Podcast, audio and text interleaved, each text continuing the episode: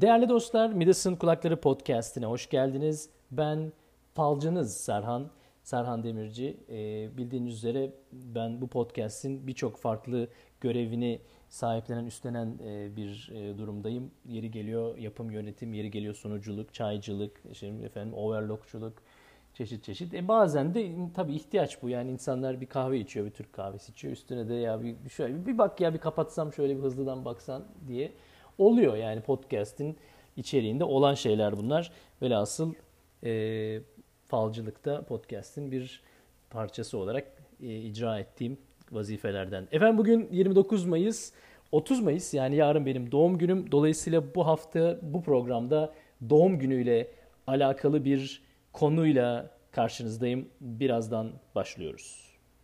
Şimdi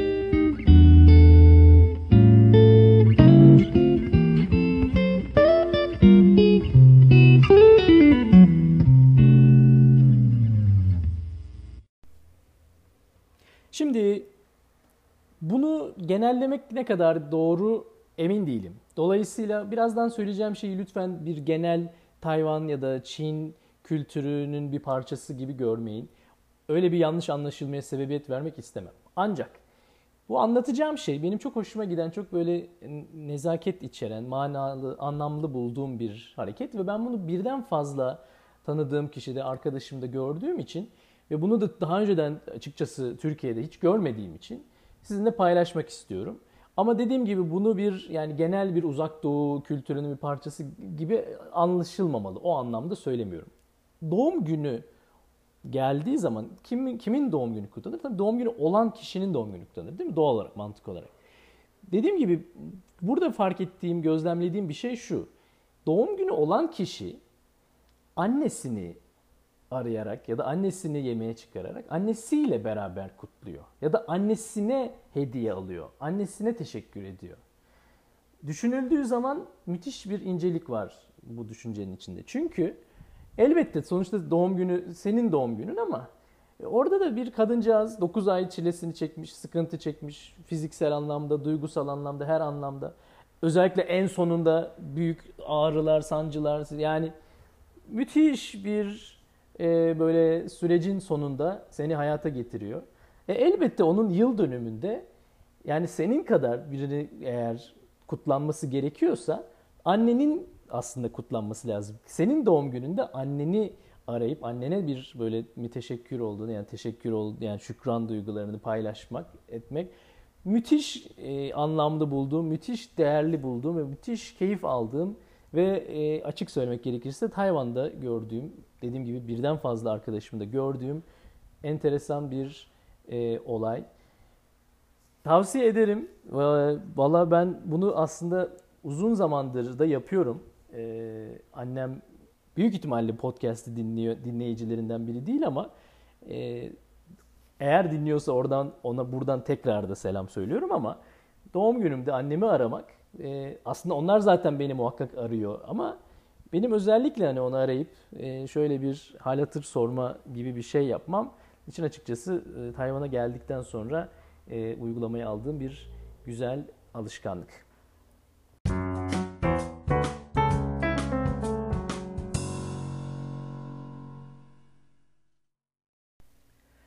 Bununla beraber belirgin bazı birkaç farklılıktan da bahsetmeden geçemeyeceğim. Onların başında da yaşın nasıl hesaplandığı geliyor.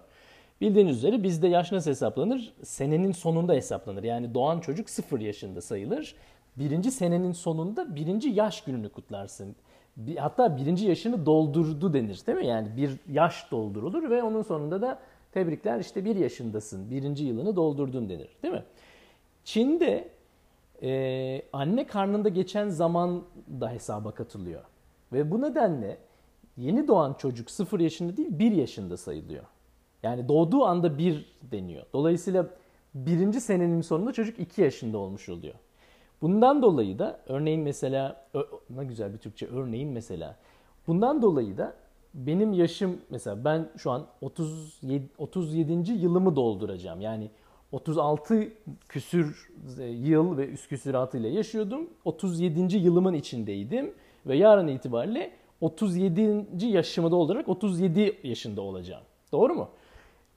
Ancak ben Çin takvimine göre yaşıma baktığım zaman 38 rakamını görüyorum. Çünkü anne karnında geçen zamanı da yaşın içine dahil ediyorlar.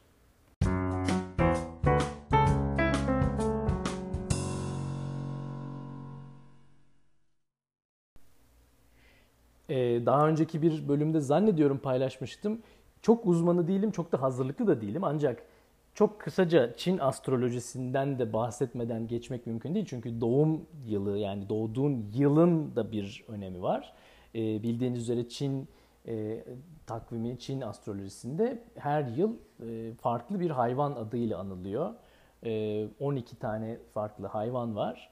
E, her doğduğunuz yılın, o yıl hangi yılsa e, o hayvanın yılında doğduğunuz için onunla e, kategori şey oluyorsunuz. Ne denir? Sınıflandırılıyorsunuz. Örneğin ben o anlamda 1981 yılı horoz yılı. Ben e, o anlamda bir horoz yılında doğmuş bir kişiyim. E, bunu, bunu farklı şekillerde kullanıyorlar. İşte horoz yılında doğan kişinin şanslı olduğu yıllar var işte şanslı olduğu yaşlar var tabii o anlamda bakacak olursak. Şanssız olduğu, şansının düşük olduğu zamanlar var. Efendim iyi anlaştığı kişiler var, insanlar var ya onların doğduğu yıllar itibariyle vesaire vesaire. Uzun bir konudur. Yani onu apayrı bir podcast'te upuzun uzun uzun anlatmak lazım. Ancak hani doğum demişken, doğum günü demişken hangi yılda doğduğun meselesinden gelen de bir böyle bir konu olduğunu hatırlatmadan geçemeyeceğim.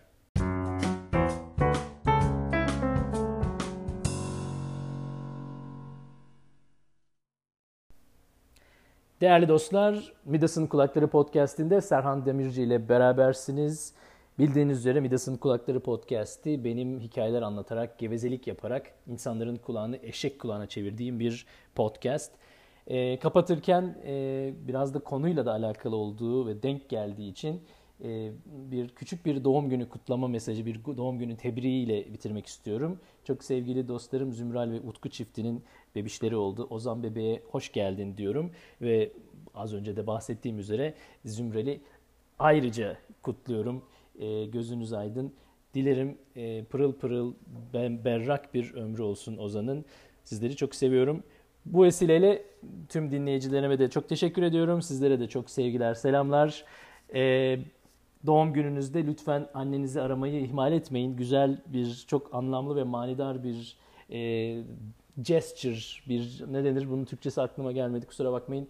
E, lütfen bunu ihmal etmeyin. Sizi çok seviyorum. Görüş, öneri, yorum her şey için bana Facebook'tan, Twitter'dan ulaşabilirsiniz. Sevgiler, saygılar. Önümüzdeki programda görüşünceye kadar kendinize çok çok iyi bakın lütfen.